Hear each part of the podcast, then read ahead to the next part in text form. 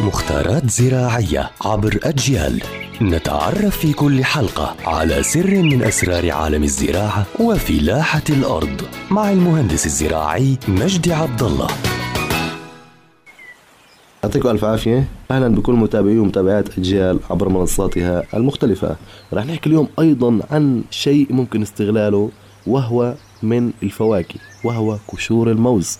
أنا أكلت موز عندي في المنزل. ففي قشور لهي الموز. فهي القشور أيضا مهمة وضرورية زراعيا. كيف؟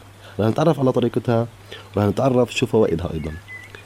قشور الموز بجيبها يتم تقطيع قشور الموز إلى قطع صغيرة بعدين بنحطها في قارورة قارورة يعني الكنية كنية عادي لمدة 15 يوم.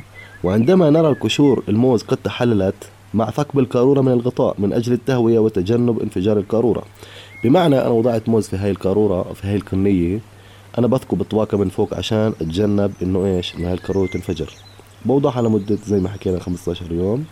بعدها أنا أقوم بعملية تصفية المياه ومزجه مع ضعف الكمية من الماء. ونروي النبات به. طبعا فوائده بسمد النباتات. متخيلين انتو هيك قشور الموز؟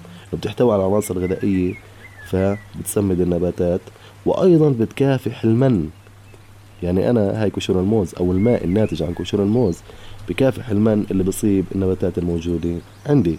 طبعا وقت إضافته أو وقت رشه واستخدام قشور الموز يفضل أن يكون في الليل أو ساعات المساء. هذا موضوعنا اليوم وهو قشور الموز وطريقة استخدامها وفوائدها. زراعيا يعطيكم ألف عافية.